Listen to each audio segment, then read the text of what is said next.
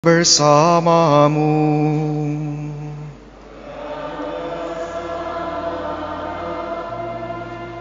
Inilah Injil suci menurut Lukas.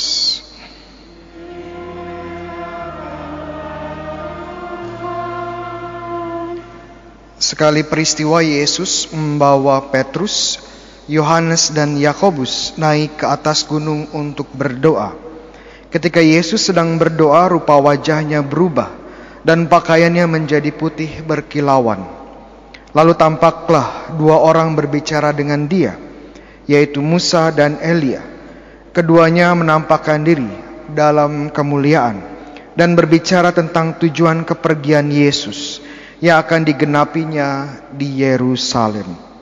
Sementara itu, Petrus dan teman-temannya telah tertidur, dan ketika terbangun, mereka melihat Yesus dalam kemuliaannya. Juga kedua orang yang berdiri di dekat Yesus itu. Ketika kedua orang itu hendak meninggalkan Yesus, Petrus berkata kepadanya, "Guru, alangkah baiknya kita berada di tempat ini. Biarkanlah kami dirikan tiga kemah, satu untuk engkau, satu untuk Musa, dan satu untuk Elia." Tetapi Petrus tidak tahu apa yang dikatakannya itu. Sementara ia berkata demikian, datanglah awan menaungi mereka. Ketika masuk ke dalam awan itu, takutlah mereka. Lalu terdengar suara dari dalam awan itu yang berkata, Inilah putraku yang aku pilih, dengarkanlah dia. Ketika suara itu terdengar, tampaklah Yesus tinggal seorang diri. Murid-murid itu pun merahasiakannya, dan pada masa itu mereka tidak menceritakan kepada siapa pun apa yang telah mereka lihat itu. Demikianlah sabda Tuhan. Terpujilah Kristus.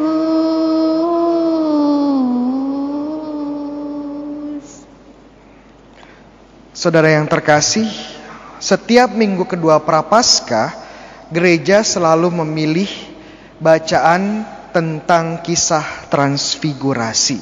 Ya, transfigurasi itu apa sih Romo? Ya, transfigurasi itu bahasa keren untuk Yesus yang menampakkan kemuliaannya. Menurut tradisi ini ada di Gunung Tabor, ya, menurut tradisi. Yesus yang menunjukkan kemuliaan ilahinya. Ya, jadi kenapa bacaan ini yang dipilih ya? Kalau kita lihat lagi, kita review lagi tadi bacaan Injilnya, Yesus bersama, bersama tiga muridnya, Petrus, Yakobus dan Yohanes naik gunung, ya Gunung Tabor. Di sana mereka berdoa. Dan dalam konteks doa inilah Yesus menunjukkan kemuliaannya dan berubah rupa. Dan tidak hanya itu, bahkan ada tiga tokoh penting, maaf dua tokoh penting yang hadir. Dan dua tokoh penting ini tokoh yang sangat penting di perjanjian lama. Eh, yang satu Musa, dan yang satu namanya Elia. Ya, kenapa dua tokoh ini? Uh, Musa itu mewakili Taurat, hukum Taurat, dan Elia mewakili para nabi. Jadi dua tokoh ini mewakili perjanjian lama, ya hukum dan nabi-nabi. Dan tentu saja ini pengalaman yang luar biasa untuk Petrus, untuk Yohanes, untuk Yakobus. Keren banget ya cool abis pokoknya ya. Sehingga Petrus pun pengen tetap berada dalam pengalaman kemuliaan ini ya. Dan kembali pertanyaannya adalah kenapa bacaan yang luah ini yang sangat mulia ini ditempatkan pada masa prapaskah? Bukankah masa prapaskah itu masa di mana kita berpantang dan berpuasa? Di mana masa kita diajak untuk lebih bertobat? Bahkan dari liturginya saja kita sudah merasakan perbedaan dari masa-masa yang lain. Warnanya ungu. Tidak ada lagu kemuliaan. Tidak ada haleluya. Tapi kenapa bacaan yang dipilih justru ya berbicara tentang kemuliaan Tuhan? Rasanya kurang pas ya kalau kita lihat. Jawabannya terletak dari apa yang dibicarakan oleh Yesus dan Musa dan Elia. Kira-kira mereka berlagi bahas apa ya waktu mereka berjumpa? Ada yang tahu? Tadi ada yang cermat melihatnya? Ya, nanti saya kasih pisang ya, ada yang bisa jawab. Iya. Yang pasti bukan tentang kuliner ya, bukan tentang kuliner di surga. Bukan juga tentang uh, tempat liburan, ya. bukan juga tentang gosip-gosip terbaru di surga, enggak ya. Yang dibahas Yesus bersama dengan Musa dan Elia adalah kalau kita simak tadi tentang kepergiannya. Iya. Tentang kepergiannya yang akan dia penuhi di kota Yerusalem. Maksudnya apa? Kata kepergiannya. Sebenarnya kata kepergian di sini kurang pas ya kalau kita lihat bahasa Yunani yang digunakan itu adalah exodus ya. Exodus ini yang kemudian diterjemahkan dalam bahasa Inggris Exodus dan diterjemahkan lagi dalam bahasa Indonesia lebih tepatnya sebagai keluaran.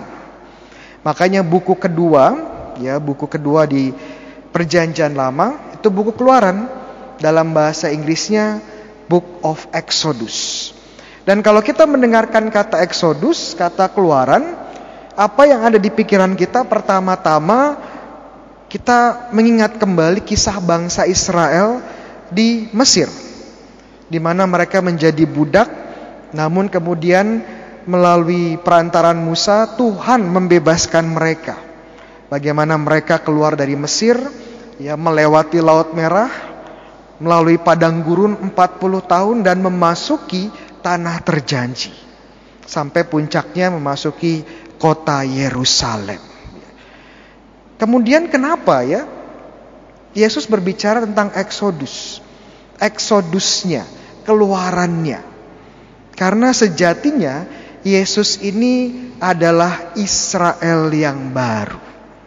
Sama seperti Israel yang lama harus melalui keluaran, eksodus, Begitu juga Yesus sebagai Israel yang baru harus mengalami keluaran atau eksodusnya juga. Tapi ada perbedaan, ya, perbedaannya juga cukup signifikan. Kalau titik awal eksodus yang lama itu Mesir, titik awal eksodus yang baru Yesus itu di kota Yerusalem. Kalau eksodus yang lama harus melewati padang gurun, melewati laut merah dan padang gurun, penderitaan dan cobaan, namun sayangnya bangsa Israel tidak tahan cobaan, bersungut-sungut dan bahkan menyembah berhala. Ya, kita ingat lembu emas. Yesus pun melewati padang gurun, melewati penderitaan dan kematian di salib. Tapi dia jalankan itu dengan setia, tanpa bersungut-sungut dan setia sampai akhir. Akhirnya bangsa Israel, Eksodus yang lama, masuk tanah terjanji. Namun saat memasuki tanah terjanji, ya mereka pun banyak mengalami kekalahan, mereka pun tidak setia, ya dan banyak lagi. Yesus dalam Eksodus yang barunya, dia memasuki Yerusalem yang baru, memasuki tanah terjanji surgawi melalui kematian, kebangkitan dan kenaikannya ke surga. Dan dia berhasil mengalahkan kematian secara definitif. Jadi kita lihat ya bahwa Yesus ini akan menjalankan eksodusnya yang tidak lain adalah kisah sengsaranya di kota Yerusalem. Dan ini ada hubungan erat dengan masa prapaskah. Karena setelah transfigurasi ini, setelah momen transfigurasi ini, Yesus tidak lagi tinggal di Galilea di utara. Jadi Israel itu bagian utara disebut Galilea. Ini tempat Yesus mengadakan banyak mukjizat, pelayanan dan pengajaran, ya. Tapi kemudian setelah transfigurasi ini pelan-pelan Tuhan Yesus turun ke selatan dan memasuki kota Yerusalem untuk menghadapi eksodusnya, menghadapi kisah sengsaranya. Dan sama, gereja juga mengajak kita pada masa prapaskah ini untuk menemani Yesus memasuki kota Yerusalem. Karena itu prapaskah puncaknya adalah pekan suci. Saat Yesus memasuki kota Yerusalem, saat Yesus menderita, wafat dan bangkit. Bersama-sama masa prapaskah ini kita berjalan menuju Exodus Yesus. Keluaran dari Tuhan kita Yesus Kristus. Lalu apa sebenarnya yang kita bisa ambil ya dari pelajaran yang sebenarnya cukup kaya ini dari kisah transfigurasi? Ya, mungkin kita belajar dari Petrus bahwa kadang-kadang kita suka berlama-lama di saat-saat mulia, di saat-saat kesuksesan kita di dalam hidup ya. Namun Yesus mengajarkan bahwa kemuliaan yang sejati itu ada dan hanya ada setelah melewati eksodus, setelah mengalami keluaran. Kemuliaan sejati hanya ada setelah melalui eksodus. Tanpa jalan salib, kemuliaan yang kita terima itu semu, itu palsu, dan hanya sementara. Romo lalu bagaimana kita bisa mengikuti Yesus dalam eksodusnya? Jawaban pertama adalah kita harus keluar dari Mesir-Mesir kita. Mesir itu tempat tempat bangsa Israel diperbudak, ya kan? Dan ini juga menjadi simbol perbudakan kita saat ini. Simbol dari tempat-tempat atau kebiasaan-kebiasaan buruk kita menjadi simbol dari kecanduan kita yang membuat kita jauh dari Tuhan. Kecanduan, kenikmatan instan. Contohnya apa Romo? Contohnya apa? Yang paling gampang tentunya contohnya adalah gadget. Ya, manusia zaman sekarang sangat susah dipisahkan dari gadget ya. Entah itu laptop, entah itu HP ya entah itu sekarang yang namanya virtual reality, augmented reality ya, banyak macamnya sekarang. Dan kalau kita lihat ya menurut sebuah survei dan penelitian, anak-anak remaja sekarang menghabiskan lebih hampir 8 jam di depan layar gadget ya dalam sehari. Bayangkan kalau satu hari 24 jam, 8 jam itu sudah satu per tiga. Dan ini sudah menjadi bagian dari kehidupan kita, bahkan bagian esensial. Rasanya sangat susah untuk lepas dari yang namanya gadget. Teman-teman di sini mungkin sudah gatel ya, pengen megang HP sekarang ya, apalagi dari tadi bergetar ya, pengen dicek. Iya. Apakah gadget ini jelek, buruk, berdosa? Jawabannya tidak. Tentu saja tidak.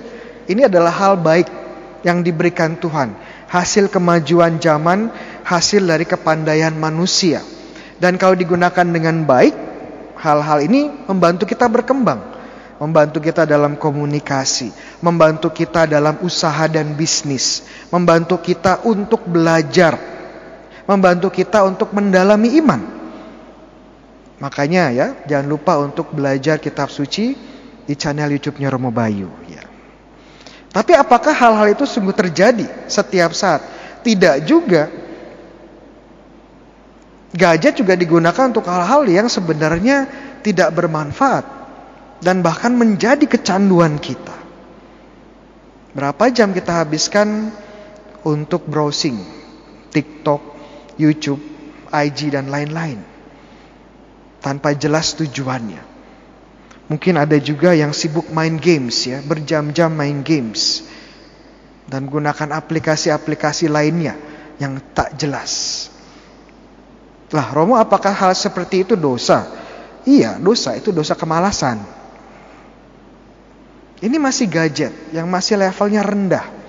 Dan kita tahu kita masih punya banyak mesir-mesir yang lain. Punya banyak mesir-mesir yang lain. Mungkin ada yang kecanduan dengan uang. Pengen cepat kaya. Dan karena pengen cepat kaya, dengan mudah ditipu orang.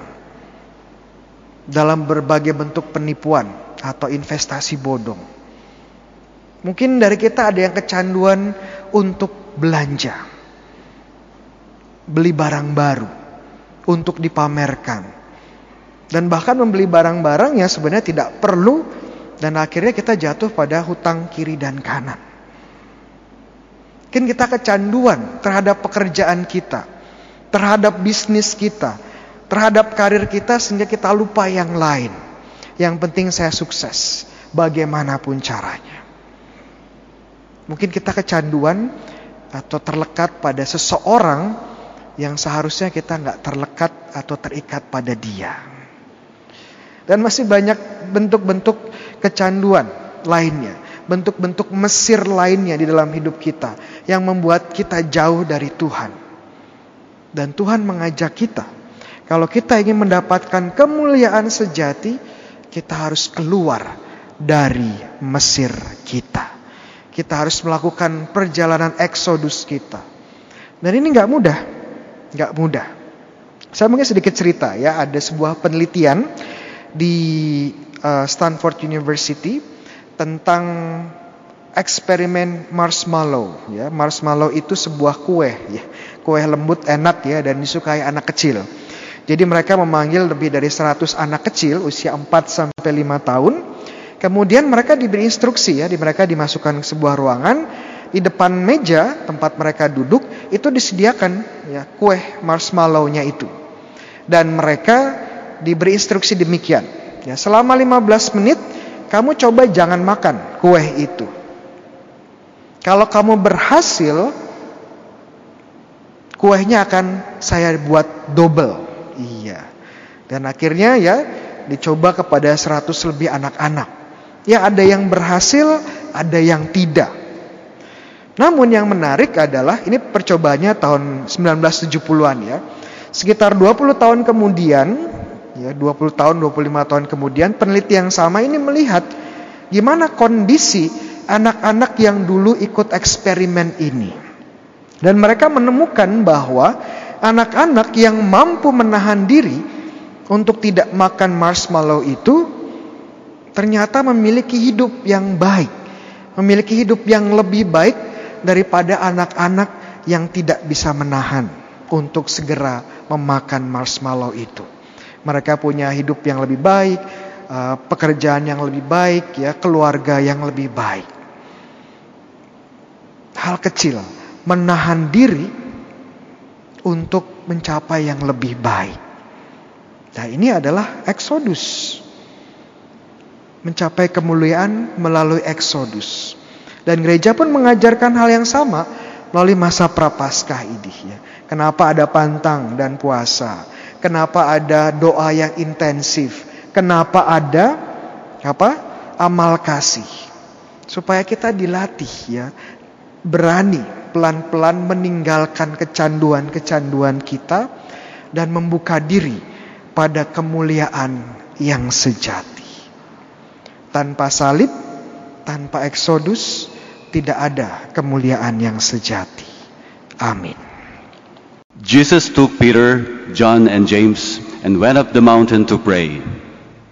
While he was praying, his face changed in appearance, and his clothing became dazzling white. And behold, two men were conversing with him, Moses and Elijah, who appeared in glory and spoke of his exodus that he was going to accomplish in Jerusalem. Peter and his companions had been overcome by sleep, but becoming fully awake, they saw his glory and the two men standing with him.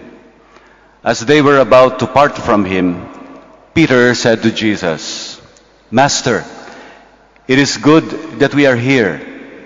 Let us make three tents one for you, one for Moses, and one for Elijah. But he did not know what he was saying. While he was still speaking, a cloud came and cast a shadow over them, and they became frightened when they entered the cloud. Then from the cloud came a voice that said, This is my chosen son. Listen to him. After the voice had spoken, Jesus was found alone. They fell silent and did not at that time tell anyone what they had seen. The Gospel of the Lord. Praise to you, Lord Jesus Christ. Please be seated. We can say that this transfiguration experience became a turning point not only in the life of Jesus, but in the life of the disciples who were with him. This is such an extraordinary moment that changed them forever. And that is why it's important to look at the story once again. And let's look at some of these moments that make this story very significant, not only for Jesus, but for the disciples and for us who follow the Lord. The first moment, I would say there are seven important moments in this story. The first is that we are made aware that Jesus took Peter, James, and John. It's the initiative of Jesus. It is the initiative of God. So if there's something that will change our lives forever, the first criterion should be it is God's initiative. God was the one who started it. In theology, we call it prevenient grace. There's this grace of God that allows us to experience that it is not your planning. It is not our desire even, but it is the Lord. Then that is a, the first criterion of a transfiguration moment. The second, we see that when they arrived at the mountain, Christ prayed. This is not just something that he does. So more than just praying as an obligation, more than just praying as an activity, as a day-to-day activity, this is all he is. In other words, this is everything that is the being of Jesus. That is why we find him in glory. There are moments when we feel tired about praying. There are moments when even forget about praying. But not so with Jesus. Prayer is part of his, like the air that he breathes, the food that he eats.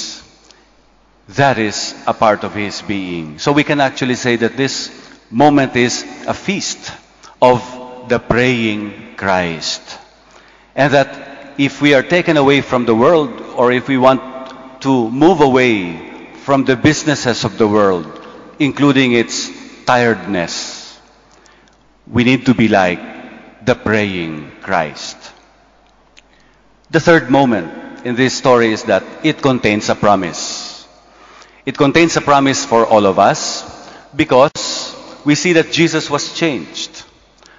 His human form, his human figure was changed. And that itself is a promise for us. Our own human form, our own human body will be changed. And that is changed not only for the better, but changed forever. Changed in eternity. And that promise is the redemption of our bodies. Bodies free from sin. And that is what Jesus became. And what is what they saw. And that is what we will become. The fourth moment is that this is also a journey of Christ. After this, they will go down the mountain. They will go down to Jerusalem. But they are still up here in Mount Tabor at the Transfiguration. He is as at a crossroads, so to speak. What he is going to accomplish will liberate us from sin. But that will mean that he will die. Liberation here also comes with death. Jesus accomplished our liberation, our freedom at the cost of his life. For we who are following the Lord, this transfiguration moment is also a moment of our liberation. But it also costs us something, and that is death to ourself, death to the self. The fifth moment is something that is between fear and amazement. It is symbolized by the cloud. They were up the mountain and they were covered by a cloud. Sometimes we would like to imagine this is fog. If we climb up a high mountain, you have mist or you have a foggy place. That, was that is what must have happened to Jesus and the disciples. But more than this, the gospel writer tells us that it is not just a cloud of, of a fog or a mist. They were filled with fear. And in that cloud, a voice would speak, and that also terrified them all the more. In fact, we are also told that Peter was sleeping. We could say that this is a sleep of amazement. Maybe they were overcome by the brilliance of the figure of the Lord. They did not expect the Lord to be like that. So their eyes will, were full of the vision of the glory of Jesus. After this experience with the cloud, when they were overcome, when they have learned that it was still Jesus, even if he was already transformed, Peter came to his senses and he said, This is beautiful. Let's build a tent here. Let's stop this moment. Let us not go down the mountain. Let us just stay here. We'll build tents. One for you, Lord, one for Moses, one for Elijah. Peter wanted to freeze, to stay where he was. But that was not meant to be. In, during the time of Jesus, the tent means tentative dwellings. That was the way they lived. They live in the desert environment, and so they build tents. They wanted to build a tent there. But that was not supposed to be because there was a mission to be accomplished. The last moment in this story ends with a command. The voice told them, This is my beloved Son. Hear him. Listen to him. Of course, as the gospel writer tells us, they were still full of fear. They did not understand. Like us, perhaps. We do not understand why we have to suffer. We do not understand why it has to be a difficult life. We have to make difficult decisions. We do not understand that because what we want is instant solutions. Or maybe that there will be no problems at all. But that is not life. That is also not the mission of Jesus. And that is why from the Mount of Transfiguration, they went down to Jerusalem where Jesus will accomplish everything. Now, as for the disciples, as for us who listen to the story, what now? For the disciples, even if they were still fearful, we know that during the crucifixion they will all run away. Only John will stay. Only Mary will stay. Only two will be left at the foot of the cross. The rest will disappear. They are still fearful men. They are still doubting souls. But what happened to them? Exactly. They have seen. They have seen with their eyes the glory of Jesus. And later on, fast forward, they will remember. This is the same way with us. We have seen. We have come together. We have always, we're always coming together as a praying community. We see the marvels of the Lord day to day. Not so much perhaps, but we see this in our lives.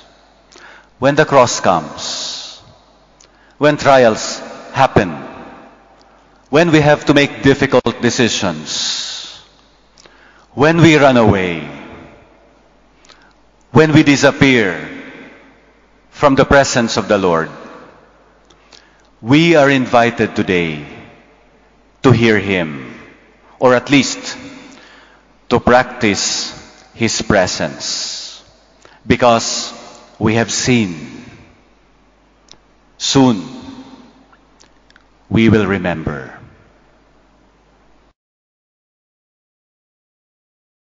be with you. and with your spirit. A reading from the Holy Gospel according to Luke. Glory to you, O Lord. Jesus took Peter, John, and James and went up the mountain to pray. While he was praying, his face changed in appearance and his clothing became dazzling white. And behold, two men were conversing with him, Moses and Elijah, who appeared in glory and spoke of his exodus that he was going to accomplish in Jerusalem. Peter and his companions had been overcome by sleep, but becoming fully awake, they saw his glory and the two men standing with him. As they were about to part from him, Peter said to Jesus, Master, it is good that we are here. Let us make three tents one for you, one for Moses, and one for Elijah. But he did not know what he was saying.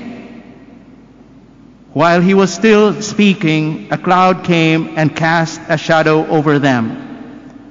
And they became frightened when they entered the cloud.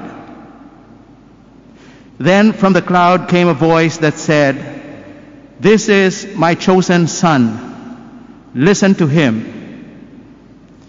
After the voice had spoken, Jesus was found alone. They fell silent and did not at that time tell anyone what they had seen.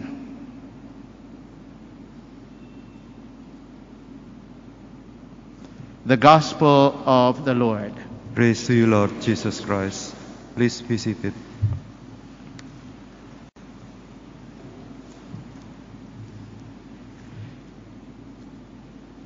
My dear brothers and sisters in Christ, we are now on the second Sunday of Lent, the 12th day of this 40 day preparation for the commemoration of the Passion, Death, and Resurrection of our Lord Jesus Christ. During a season characterized by penance, it is good for us to keep our sights on the end, which is the joy of the glory of God. Our Mother, the Church, reminds us of this in her liturgy today by presenting to us the passage from St. Luke's Gospel that narrates the transfiguration of Christ. Jesus knew that his hour was coming. That was what he was talking about with Moses and Elijah in that meeting of the Old Testament with the New Testament. St. Luke says they were speaking of his exodus, of his passing. Jesus also knew that what was going to happen would be terribly difficult for his disciples. Their reaction to his announcement of his passion and death was not very encouraging. And so, to help confirm them in their faith and give them a bit of consolation, he allowed some of them, three of them, to have a glimpse of his divine glory.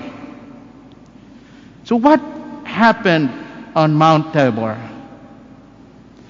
Imagine a completely dark room.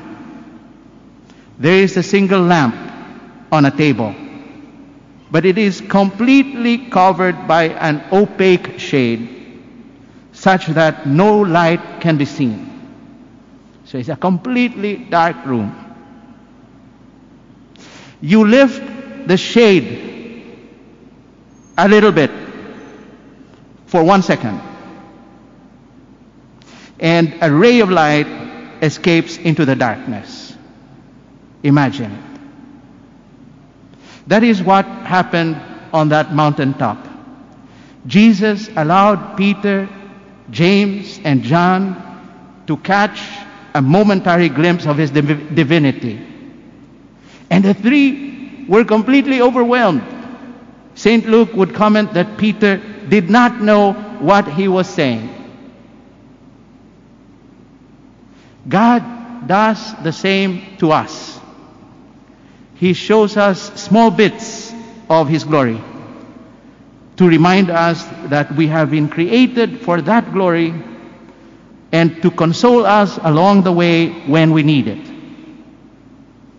He does this, for example, in the Holy Mass, this Holy Mass, where He makes Himself really, truly, and substantially present through the sacramental signs of bread and wine. Pope St. John Paul II said that our disposition towards the Eucharist should be that of gratitude and awe, right? wonder and admiration. If we have lost that wonder and admiration for the Mass, perhaps we need to remind ourselves again of the miracle that is being played out every time the Mass is celebrated. And what is that miracle? It is the making present again of the sacrifice of Christ on the cross.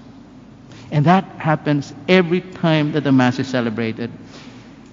Well, God also shows little bits of His glory outside the Mass in our everyday life through the persons around us and the events that happen to us.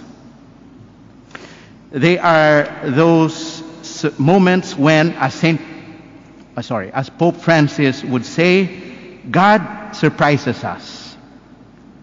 It could be when someone tells us some consoling words, right when we need them, or when a persistent problem is all of a sudden resolved and we don't know how, or when someone thanks us profusely for such a little help we gave, or when what seemed bad at first turns out to be good. Or when someone smiles at us when everything in our day seems to be going wrong. Sometimes we don't realize it at that moment, but later we could look back and say, God was there. That's why we also need to set aside moments for silent prayer during our day, alone with God, to realize His surprises that we may have failed to recognize. Peter wanted to prolong the experience of the glory of Jesus. He tells the Lord, Master, it is wonderful for us to be here. Then he suggests to him, Let us make three tents one for you, one for Moses, and one for Elijah. He wanted to stay on. And as if to heighten that desire, they hear the voice of God the Father saying, This is my Son, the chosen one. Listen to him. And what did the Son say?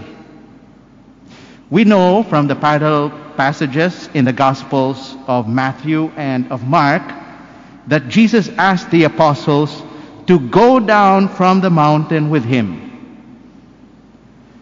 It is very good to have those moments of silence with God. However, we live in the middle of the world. That is where Christ wants us most of the time, in the midst of ordinary men and women like you. And He is with us. The Master did not remain on the mountaintop, He went down with His disciples. Jesus Christ wants us to discover Him in our everyday life. It is there where He wants to surprise us. Besides that, the Master also told the three apostles not to tell anyone what they had seen until the Son of Man should have risen from the dead. St. Luke tells us that the disciples kept silent and at that time told no one what they had seen. But after the Lord had resurrected and ascended into heaven, and after this, the descent of the Holy Spirit, the disciples did not cease teaching and preaching Jesus as the Christ, as we read in the Acts of the Apostles. Well, Jesus Christ has already resurrected, and this is what we are preparing for. Therefore, that gag order, that command not to tell anyone, does not hold anymore. You and I were also called to be disciples of Christ. We need to proclaim the glory of Christ. We need to make his passion and death known. We need to announce his resurrection, not just with our words, but with the example of our lives lived in the middle of the world amid ordinary men and women May God, my brothers and sisters, surprise us and surprise the others through us. Let us pause in silence to allow the Holy Spirit to blow in our souls as He wills. Tuhan bersamamu. dan bersama rohmu. Inilah Injil suci menurut Santo Lukas. Dimuliakanlah Tuhan. Sekali peristiwa Yesus membawa Petrus, Yohanes, dan Yakobus naik ke atas gunung untuk berdoa. Ketika Yesus sedang berdoa, rupa wajahnya berubah dan pakaiannya menjadi putih berkilauan. Lalu tampaklah dua orang berbicara dengan dia, yaitu Musa dan Elia. Keduanya menampakkan diri dalam kemuliaan dan berbicara tentang tujuan kepergian Yesus yang akan digenapinya di Yerusalem. Sementara itu Petrus dan teman-temannya telah tertidur. Dan ketika terbangun mereka melihat Yesus dalam kemuliaannya. Juga kedua orang yang berdiri di dekat Yesus itu. Ketika kedua orang itu hendak meninggalkan Yesus, Petrus berkata kepadanya, "Guru, alangkah baiknya kita berada di tempat ini. Biarlah sekarang kami dirikan tiga kemah. Satu untuk engkau, satu untuk Musa, dan satu untuk Elia. Tetapi Petrus tidak tahu apa yang dikatakannya itu. Sementara ia berkata demikian, datanglah awan menaungi mereka. Ketika masuk ke dalam awan itu, takutlah mereka. Lalu terdengarlah suara dari dalam awan itu yang berkata, "Inilah putraku yang aku pilih, dengarkanlah dia." Ketika suara itu terdengar, tampaklah Yesus tinggal seorang diri. Murid-murid itu pun merahasiakannya, dan pada masa itu mereka tidak menceritakan kepada siapa pun apa yang telah mereka lihat itu. Demikianlah Injil Tuhan. Terpujilah Kristus. Yesus membawa Petrus, Yohanes, dan Yakobus naik ke atas gunung untuk berdoa. Ketika Yesus sedang berdoa, rupa wajahnya berubah, pakaiannya menjadi putih berkilauan. Saudara-saudari sekalian terkasih dalam Kristus, hari ini hari Minggu kedua dalam masa Prapaskah, kita diajak untuk merenungkan peristiwa transfigurasi. Yesus menampakkan kemuliaannya. Yesus bersinar dalam kemuliaannya. Kita juga diajak untuk bersinar seperti Kristus, bercahaya. Anda mau gak bersinar, bercahaya seperti Kristus? Bagaimana caranya? Yesus bercahaya, Yesus berubah rupa dalam kemuliaan saat dia sedang berdoa. Dan Yesus mengajak murid-muridnya naik ke atas gunung untuk berdoa. Jadi kita juga diajak di masa prapaskah ini untuk melakukan salah satu hal yang paling penting yang kita perlu lakukan di masa ini, yaitu berdoa. Jadi saya mau mengajak Anda untuk merenungkan lebih dalam tema ini, berdoa. Pertama, saat kita berdoa kita hadir di hadapan Tuhan. Kedua, kita mendengarkan Tuhan. Dan ketiga, kehendak Tuhan terjadi. Hadir pada Tuhan, mendengarkan Tuhan, kehendak Tuhan terjadi. Pertama, saat kita berdoa, apa itu doa? Saat kita berdoa, kita mengarahkan pikiran dan hati kita kepada Tuhan. Gampang gak untuk berdoa?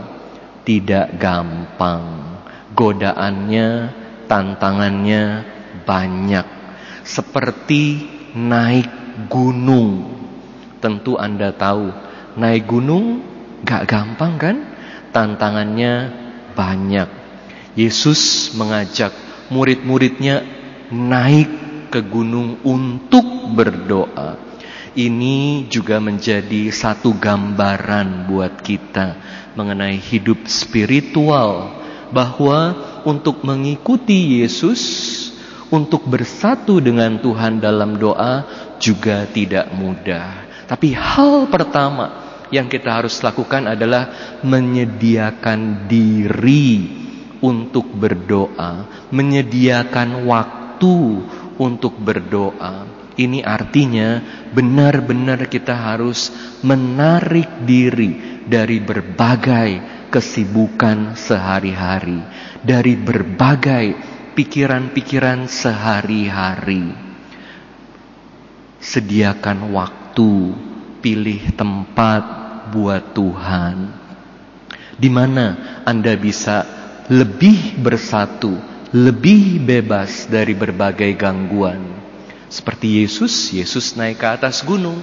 Mungkin gunung ini buat kita adalah ruang adorasi atau satu sudut di rumah kita di mana kita uh, selalu berdoa di situ. Jadi saat kita masuk ke ruang itu atau kita saat duduk di situ kita merasa ini lebih dekat sama Tuhan, ada panggilan untuk bersatu dengan Tuhan, lebih bisa konsentrasi. Kita harus menghadap Tuhan Walaupun dengan segala tantangannya, kita udah menyediakan waktu dan tempat buat Tuhan pun sering kali pikiran kita masih terganggu. Jadi apa yang harus kita lakukan? Romo kalau saya doa sering kali pikiran-pikiran saya ini banyak ke mana-mana, melayang-layang. Gimana Romo? Gak apa-apa, teruskan berdoa. Saat kepikiran, lagi doa, kepikiran, aduh mesti siapin makanan. Habis itu kembali lagi doa. Aduh gimana anakku ya? Saat terganggu, habis itu kembali lagi doa. Gak apa-apa. Bahkan kadang-kadang ketiduran. Gak apa-apa juga. Kalau nanti kebangun, lanjut lagi berdoa.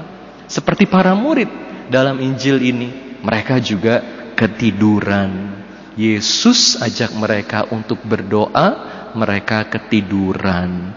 Doa hidup spiritual tantangannya banyak. Tapi pertama harus diniatin menghadap Tuhan.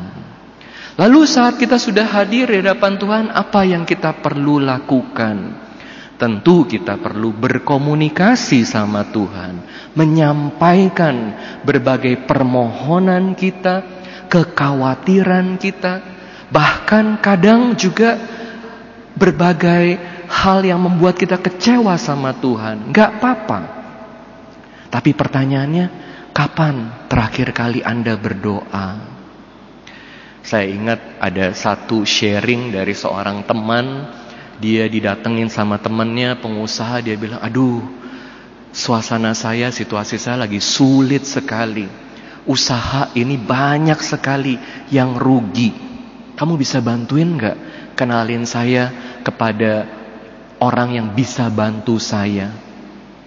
Lalu pengusaha yang satunya ini bilang kepada yang mengeluh tadi saya akan kenalin kamu kepada satu orang yang sangat luar biasa yang pasti bisa bantu kamu.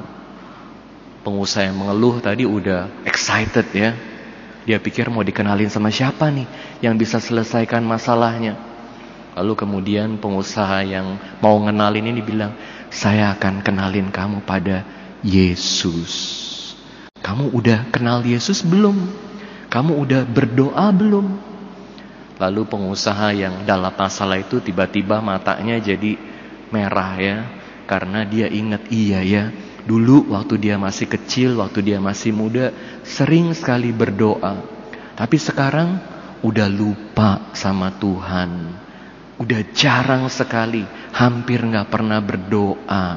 Karena selalu bergantung pada kekuatan sendiri aja.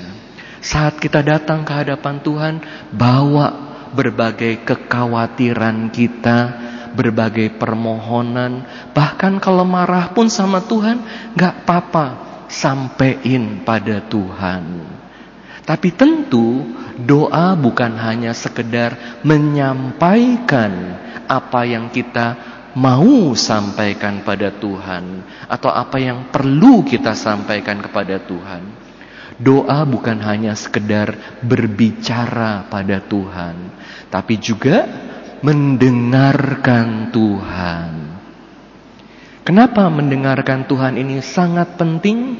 Karena saat kita mendengarkan Tuhan, Tuhan menyingkapkan berbagai rahasia hidup.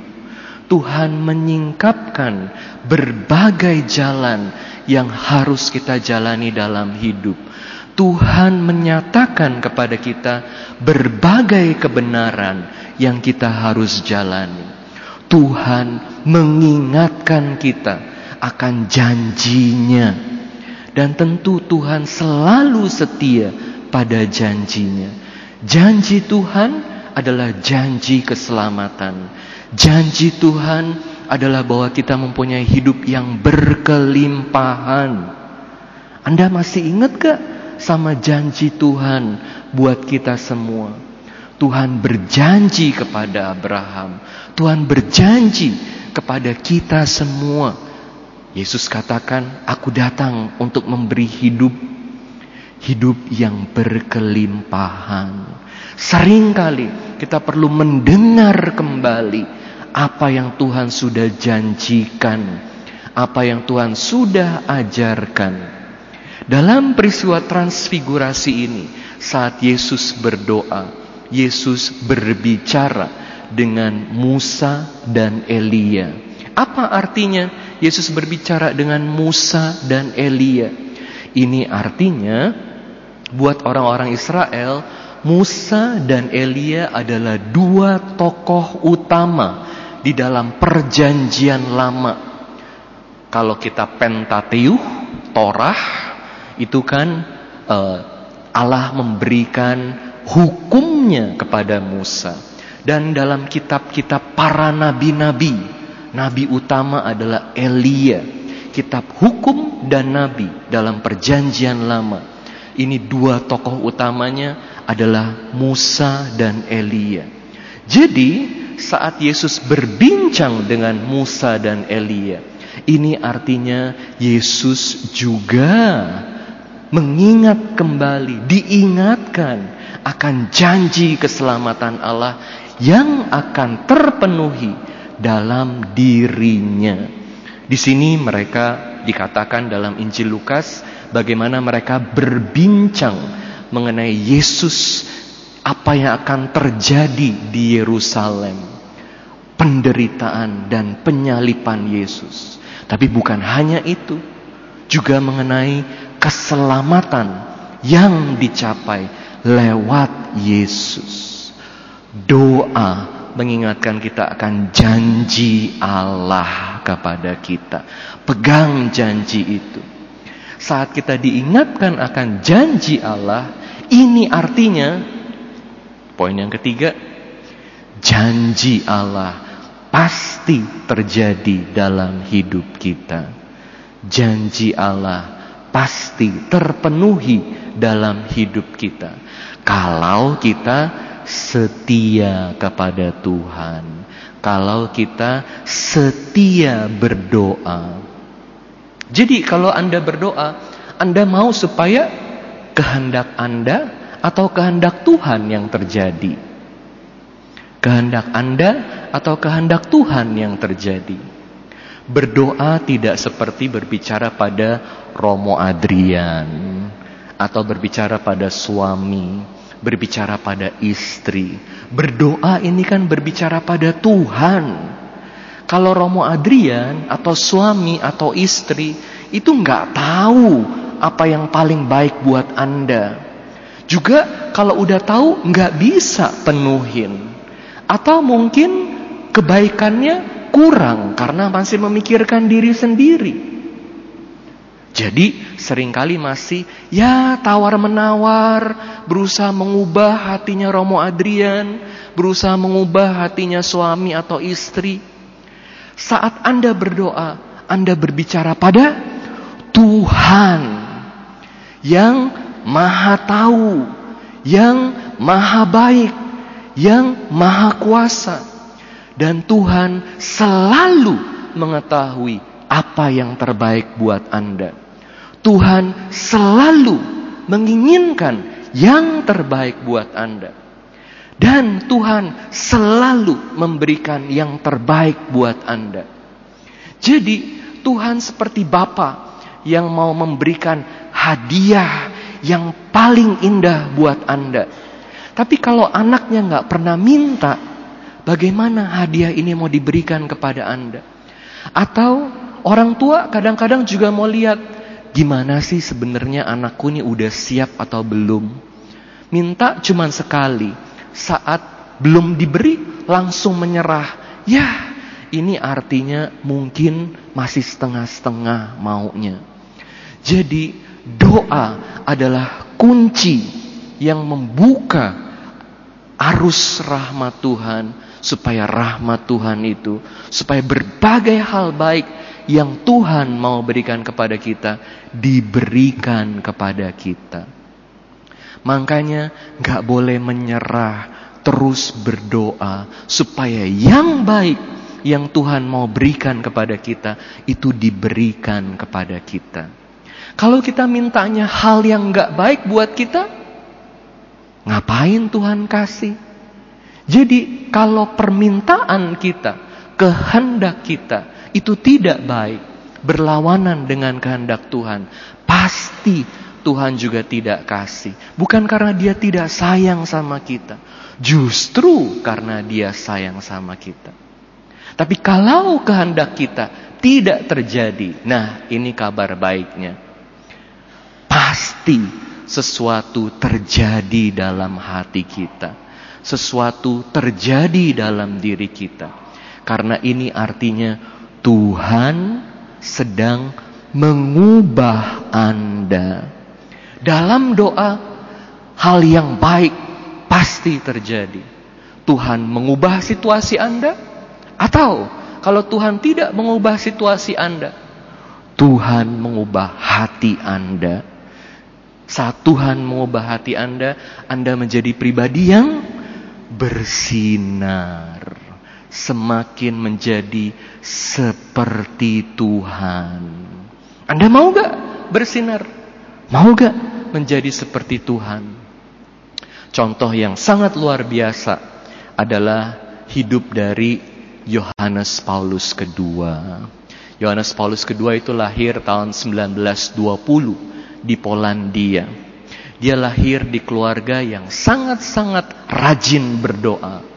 Papanya, mamanya dari Yohanes Paulus kedua dari masih kecil itu sudah ajarin anak-anaknya untuk selalu berdoa. Tapi ternyata hidupnya Yohanes Paulus kedua juga tidak enak-enak saja. Mamanya meninggal waktu dia umur delapan. Kakaknya meninggal waktu dia masih remaja. Papanya meninggal waktu dia umur masih dua puluh. Dan Yohanes Paulus kedua katakan dalam salah satu tulisannya, Waktu mamaku meninggal, aku nggak ada di sebelahnya. Waktu kakakku meninggal, aku nggak ada di sebelahnya. Waktu papaku meninggal, aku juga nggak ada di sebelahnya.